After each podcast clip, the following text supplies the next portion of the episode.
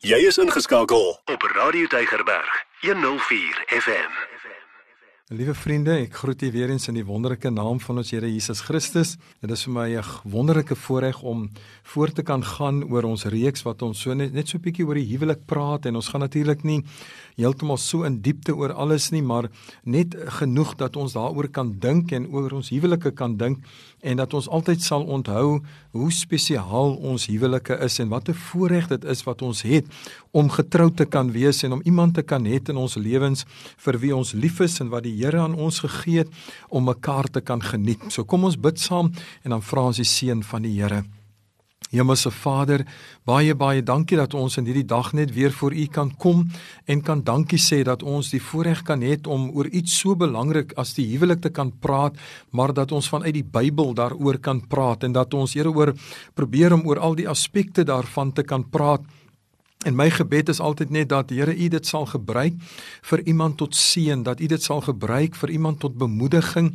Here dat U dit sal gebruik om dalk 'n huwelik te red wat op die oomblik besig is om aan skerwe te spat. Here, ons bid daarvoor. Ons bid dat U met elke man en vrou sal wees en dat U Here verheerlik sal kom word. Seën ons asseblief en seën dan nou ook hierdie gedeelte wat ons mekaar sal deel in die naam van Jesus bid ons dit en met baie baie danksegging Amen. Liewe vriende, ek wil graag saam met u lees hier in Maleagi hoofstuk 2. Maleagi hoofstuk 2 gaan ek vir u lees en ons lees vanaf vers 10 tot en met vers 16. Het ons nie almal een Vader nie? Het een God ons nie geskape nie? Waarom handel ons dan troueloos met mekaar deur die verbond van ons vaders te ont ontheilig? Juda het troueloos gehandel en 'n gruwel is in Israel en in Jerusalem gepleeg want Juda het die heiligdom van die Here wat hy liefhet ontheilig en hy het die dogter van 'n uitlandse god getrou.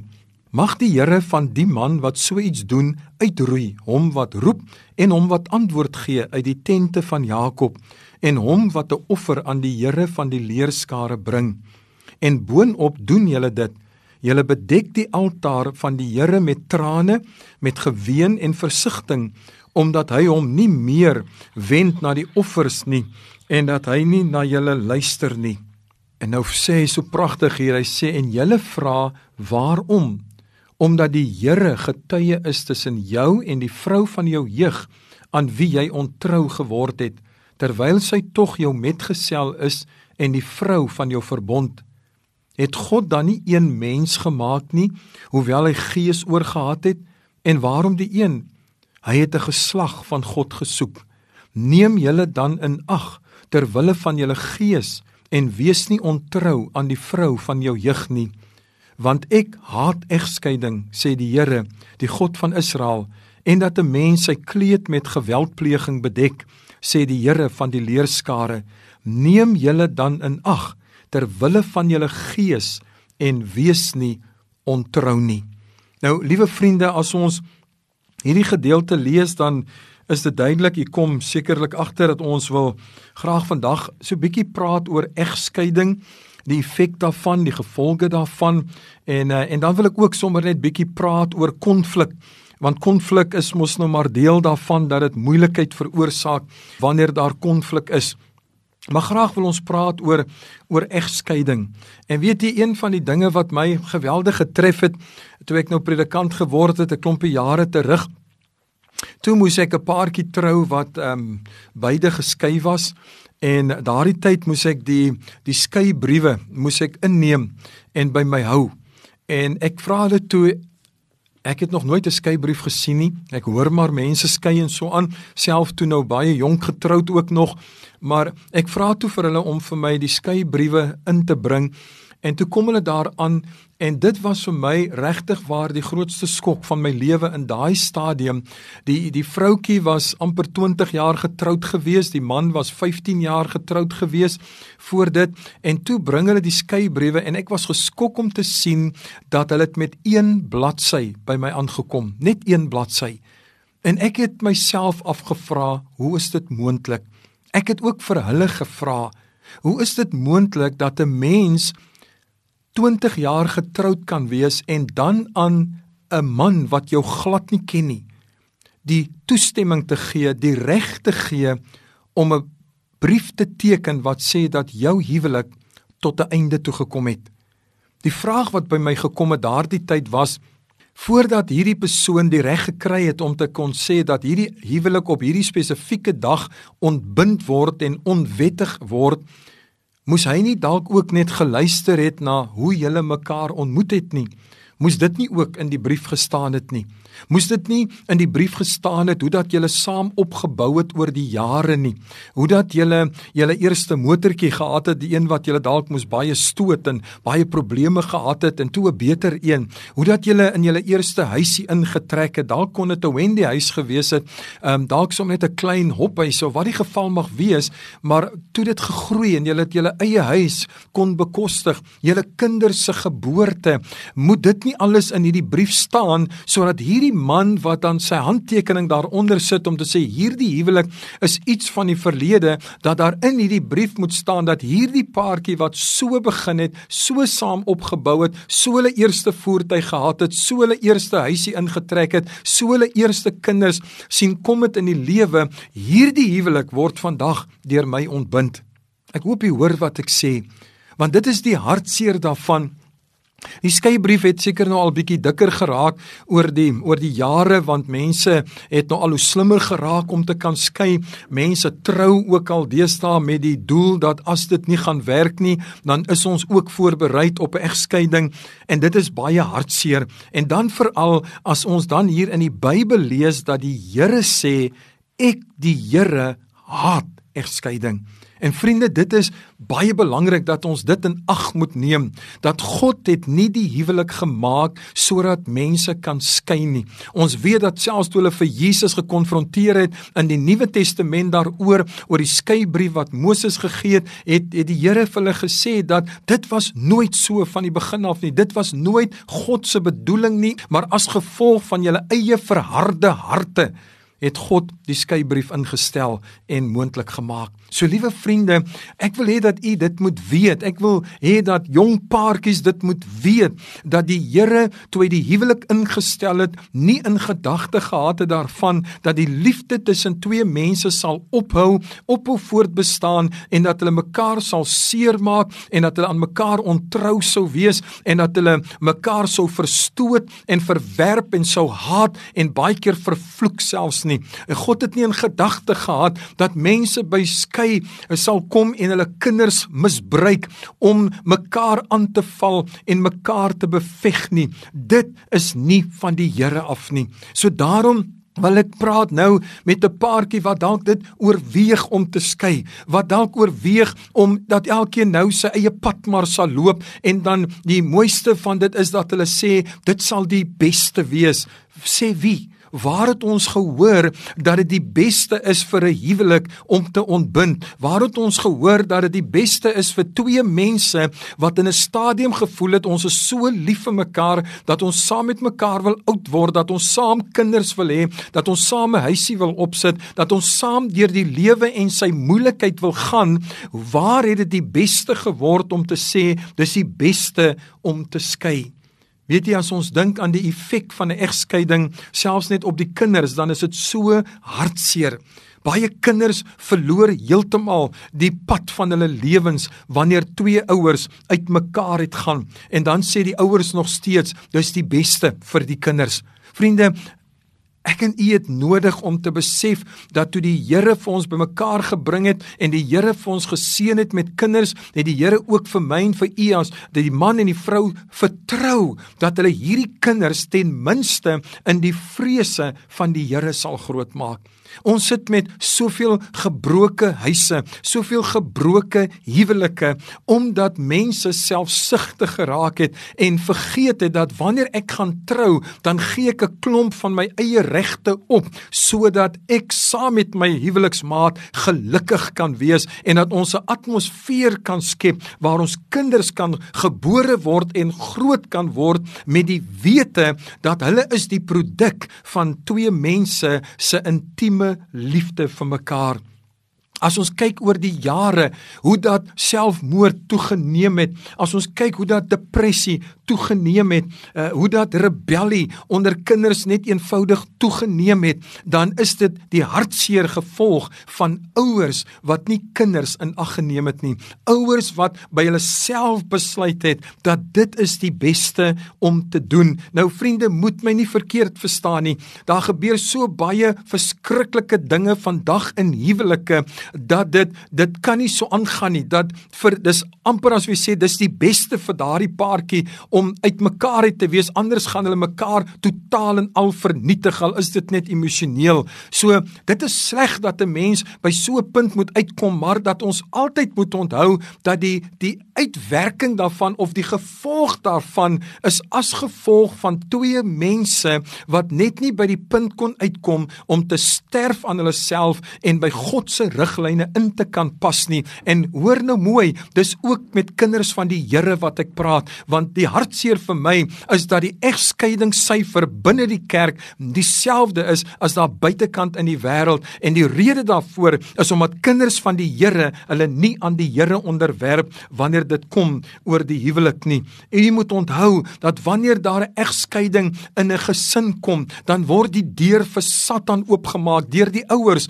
word die deur vir Satan oopgemaak dat ook hulle kinders eendag sal skei, dat hulle ook eendag sal dink dat dit is 'n moontlike uitweg om die probleme binne die huwelik op te los. Nou wat ek ook wil sê dat Jy kan ook die beste ouers gehad het wat lief is vir mekaar, wat 50 jaar getroud was en liefdevol was en jy kan nog steeds kry dat kinders gaan skei omdat hulle nie die voorbeeld van die ouers nagejaag het nie. So, ek wil nie hê dat u moet dink dat dit is net waar daar geskeide ouers was wat dan lei tot kinders wat skei nie, maar wanneer mense en dit sê ek vir paartjies as hulle na my toe sou kom en sê ons het gedink dis die beste, dis wat ons voel, dan sê ek vir hulle onthou net die dag as jy jou skeibrief ontvang, het jy alreeds jou handtekening op een van jou kinders se skei sake gesit, want jy maak die deur vir Satan oop om by jou kinders uit te kom. So daarom is dit so belangrik dat 'n mens moet besef, liewe vriende, nou sê die Bybel dit hier dat die Here sê ek is die getuie tussen jou en die vrou van jou jeug. En hy sê ek luister nie meer na julle gebede nie, ek neem nie meer julle offers aan nie, want julle dink ek weet nie. En vriende, daar's baie dinge wat in die geheim en in die donker gebeur in ons huise en in ons huwelike. Daar is manne wat ontrou is aan hulle vroue vir jare al, maar niemand weet daarvan nie. Daar is vroue wat ontrou is aan hulle manne vir jare al, maar dit word goed weggesteek. Maar die Here sê Ek is die getuie tussen jou en die vrou van jou jeug. Ek weet waarmee jy besig is en en ek het, het nie my goedkeuring nie en daarom onttrek ek my aan jou want jy het alreeds jou hart aan my onttrek. Ek wil vir manne sê Die meeste egskeidings is die gevolg van uh, van manne wat ontrou is aan hulle vrouens en en ek wil vir manne sê vandag Ek dink so aan mense wat baie keer 20 jaar getroud is en dan gaan skei hulle 25 jaar. Ag ek het mense al met te doen gehad wat na 40 jaar geskei het, 35 jaar geskei het. So dis hartseer. Maar wat ek eintlik hier wil sê is dit is so hartseer wanneer 'n man sy 40-jarige of 50-jarige vrou nou gaan vergelyk met 'n 25-jarige meisie en dan die idee skep dat my vrou het dit nie meer in haar nie. Sy lyk nie meer so mooi soos uh, soos hierdie jonger meisie nie en dat hy nou betrokke raak in hierdie buiteegtelike verhouding wat nie die seën van die Here wegdra nie. Meneer, jy moet onthou dat die dag toe jy jou vrou ontmoet het, het jy juis op haar ook verlief geraak omdat sy pragtig was, omdat sy jonk was, omdat sy mooi en lewenslustig was en sy het dit alles opgeoffer vir jou om vir jou 'n lewe te gee, om saam met jou 'n lewe te bou, 'n gesin te bou, 'n huis huis te bou om saam met jou 'n toekoms te bou en die laagste wat jy kan doen, die seerste wat jy haar kan maak, is om haar nou te wil gaan verruil vir iemand wat jonger is, wat niks bygedra het tot jou lewe tot waar jy is nie, maar daardie persoon wil nou die voordele, die vrugte pluk van die vrou van jou, jou vrou wat vir jou deur dik en dun bygestaan het en saam met jou julle lewe opgebou het wat julle bymekaar gemaak het. Iemand vriend vreemd kom nou in jou lewe en jy glo regtig die duiwel wat vir jou sê hierdie jong meisiekind is beter as jou vrou, maar sy gaan ook die een wees wat jou later in die steek gaan laat want jy misgis jouself, jy mislei jouself, jy laat jou deur die duiwel mislei om te glo dat hierdie jong meisiekind skielik 'n beter ma en 'n beter vrou vir jou kan wees as jou vrou wat jou huis gehou het tot nou toe en op wie jy kon vertrou het. So dit is baie belangrik dat 'n mens besef, liewe vriende, dat egskeidings dis nie 'n oplossing nie. Dis nie 'n uitweg nie. Dit is net bagasie opbou. Daarom het 'n mens nodig om te werk aan jou huwelik. Jy het nodig om hulp in te roep by die Here dit te kry en seker te maak dat jy gebruik maak van die geleenthede wat daar is, want egskeidings is een van die seerste dinge wat kan in 'n mens se lewe gebeur wanneer jy jou lewe daarop gesit het om vir die res van jou lewe aan hierdie man of hierdie vrou vir verbonde te wees en jy moet skielik uitvind dat hierdie jou maat, jou geliefde nie meer in jou belangstel nie. Die volgende gedagte wat ek hier wil aanraak, ons tyd is nie so baie dat ons in diepte kan gaan nie, maar um, wil ek praat oor konflik ook. Konflik binne die huwelik en ek wil vandag sommer net dit noem dat ons moet wakker wees wanneer daar konflik by ons deur kom klop. Hoekom sê ek dit so? Want ons moet kan onderskei van waar die konfliksituasie kom. Kan ek dit gou sê, liewe vriend?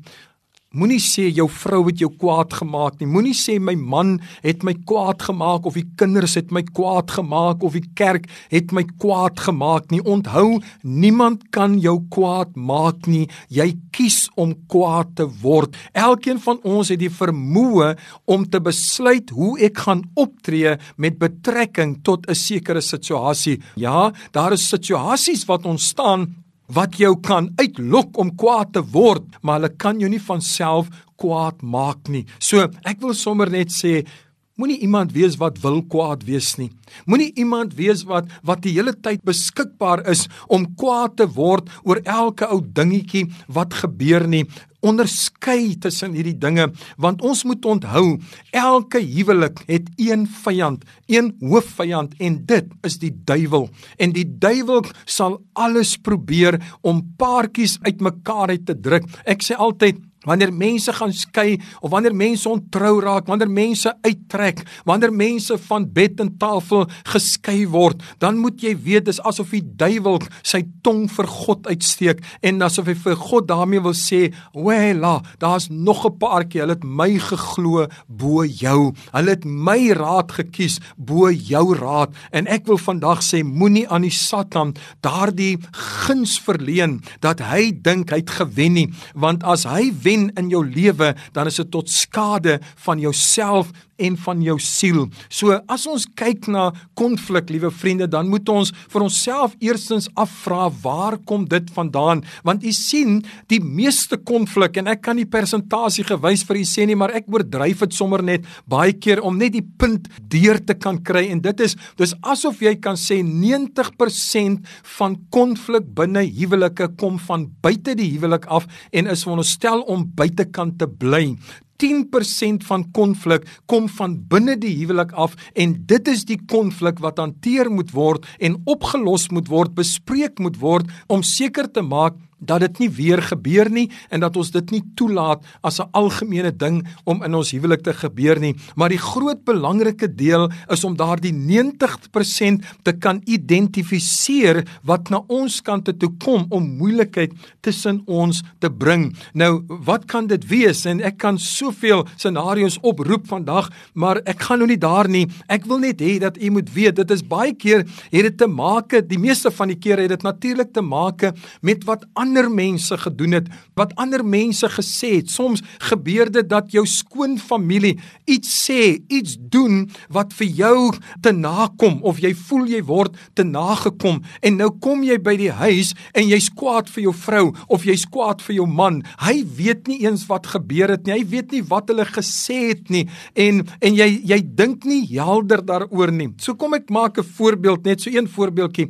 Dalk sê die suster van jou vrou dat sy moes nooit met jou getrou het nie, want sy dink nie dat jy 'n goeie man is nie. Sy het dit dalk eers gesê en natuurlik het sy dit nie vir jou gesê nie. So iemand anders het dit vir jou kom sê en dit is so 'n lekker soetsappige storie dat hulle nie kan wag om dit vir jou te sê sodat hulle jou kan ontstel nie. So nou hoor jy hierdie storie wat jou skoonsister gesê het, jy gaan huis toe, jy's kwaad, jy bedink dit, jy's kwaad, jy jy werk jou op daaroor en nou kom jou vrou vanaand by die huis en jy's dikmond. Sy groet jou en jy groet nie terug nie. Sy wil jou 'n drukkie gee en jy het nie lus vir 'n drukkie gee nie. Sy wil jou 'n soentjie gee en jy jy het nie lus vir 'n soentjie gee nie. En nou vra sy, "Wat is fout? Wat het gebeur?" En die ergste is wanneer jy vir haar sê jy vra nog.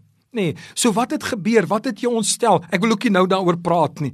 En die gevolg is dat na 'n halfuur as jy lank genoeg so aanhou kinderagtig wees, gaan jou vrou ook kwaad wees. En sy gaan kwaad wees oor iets waarvoor sy nie weet waarvoor sy kwaad is nie, maar jy steek haar aan met die gees wat in jou werk. So, dis belangrik om te weet, maak nie saak wat haar suster gesê het nie, sy het met jou getrou. En as sy ook gevoel het soos haar suster, dan het sy nooit met jou getrou vertrou nie. So jy moet haar toelaat om haarself te kan wees en jy moet besef dit gaan oor ons huwelik. Ek as man of dit kan die vrou dan nou wees, ek gaan nie moeilikheid in my huwelik invat nie. Ek gaan dit nie daar buitekant vat en intrek in my huwelik nie, want dit kom nie van die Here af nie. Die beeld wat ek baie keer daaraan koppel is, ek sê dit is soos twee honde wat jy het, nê. Nee, jy kan twee goeie honde daar by die huis hê. Hulle is te wonderlik en te pragtig, maar as jy wil hê hulle moet beklei, gooi net 'n been tussen hulle. En weet jy wat gemat doen twee honde as jy 'n been tussen hulle gooi? Hulle gaan nie vir die been nie. Hulle gaan nie oor wie gaan eerste by die been uitkom nie. Hulle vat onmiddellik mekaar en hulle beklei. En soms kan dit gebeur as jy hulle toelaat om aanhou te beklei dat die bloed loop en as hulle klaar beklei is, dan loop hulle weg en gaan lek hulle wonde en die been lê nog steeds daar. So die duiwel, hy is 'n kunstenaar op daardie gebied. Hy soek die geskikte been uit wat hy weet konflik in jou huwelik kan bring en jy sal dit toelaat dat dit ingetrek word in jou huwelik in. Moenie dat die duiwel vir jou as 'n teken sien by wie jy maklik kan inkom nie. Jy bly dikmond, jy kla oor alles en jy sien net die foute in jou maat raak want dit dis wat die duiwel vir jou voorhou en hy hou dit onder 'n vergrootglas sodat dit moet lyk dis amper al wat jy sien. So dis belangrik liewe vriende,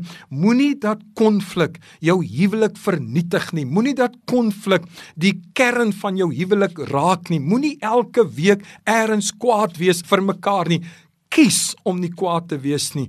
Kies om nie toe te laat dat alles wat jy hoor en alles wat jy sien jou ontstel en dat jy dit intrek in jou huwelik en jy gaan lê kwaad vanaand en draai die rug op mekaar en praat vir Dani met mekaar nie en al wat jy doen is jy laat die tyd verbygaan. Môre is een van julle dood en dan wil jy sê, hoeveel kosbare tyd het ek nie verspeel nie, maar dan is dit te laat. Geniet, dit is wat die Bybel sê, geniet die tyd saam met die vrou van jou jeug. Dan wat baie keer belangrik is is dat wanneer daar konflik is en ons gaan later bietjie oor kommunikasie net invoeg, maar wanneer daar konflik is, pas op wat jy sê want jy sien Wanneer daar konflik is en 'n mens voel kwaad, dan voel jy ek het nou lus om te sê wat ek wil sê. En die oomblik wat jy dit inneem, dan voel jy lekker om jou maat sleg te sê. Luister my vriend, ek het dit geleer by die groot mense jare gelede toe ek saam met my maale so huisbesoek gedoen het.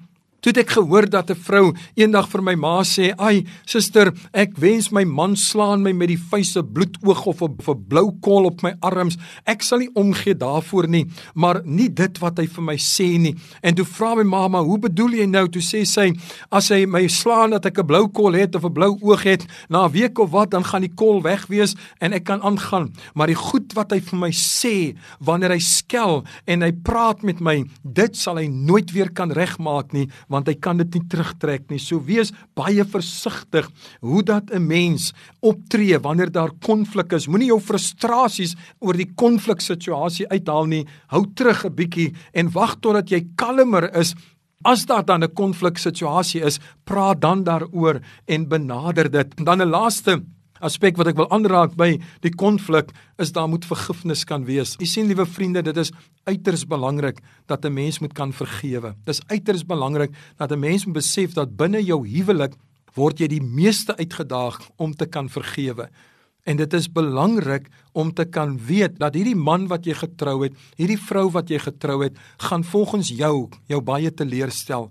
Maar hy of sy gaan baie keer na jou toe kom en sê: "Vergewe my asseblief, help my net, spreek my net vry Ek wil graag hê ons moet aangaan en ek praat nou nie van ontrouheid nie. Ek praat nie van om met iemand anders te gaan slaap en dan net uh, met 'n glimlag in te stap en vergifnis te vra nie. Ek praat van hierdie dinge, hierdie goeters wat onder ons gebeur, wat tussen ons gebeur en wat die een of ander een ongelukkig maak en dan het ek nodig om te leer om te kan vergewe soos wat Christus vergewe het. So dit is uiters belangrik. So vriende, hier aan die einde wil ek dan net sê God haat egskeiding.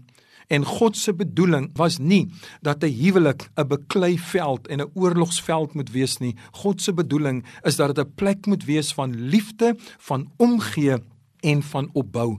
Kom ons bid saam. Here, baie baie dankie dat ons in hierdie dag net kan kom en weer eens kan bid. Vader, ek bid vir daardie paartjie wat oorweeg om uit te trek om op hulle eie te gaan. Ek bid Here vir daardie huis waar daar gedurig deur konflik is, waar daar gedurig deur misverstande is. En ek wil nou kom. Ek wil die planne van Satan bestraf. Ek wil dit kragteloos stel. Ek wil vandag kom vra Here verbreek dit in die naam van Jesus. Ek wil van vandag kom vra Here dat U met die Gees sal kom, dat U gesindhede sal verander, dat U harte sal verander, dat U die vermoë sal gee om te kan vergewe en vry te spreek sodat ons kan aangaan en mekaar eerder kan opbou as om af te breek. Help ons daartoe want Here dit is wat U met ons gedoen het om te vergewe en daarom dat ons dan ook die gebed geleer het, Here vergewe my soos wat ek ook ander vergewe, onder andere dan my man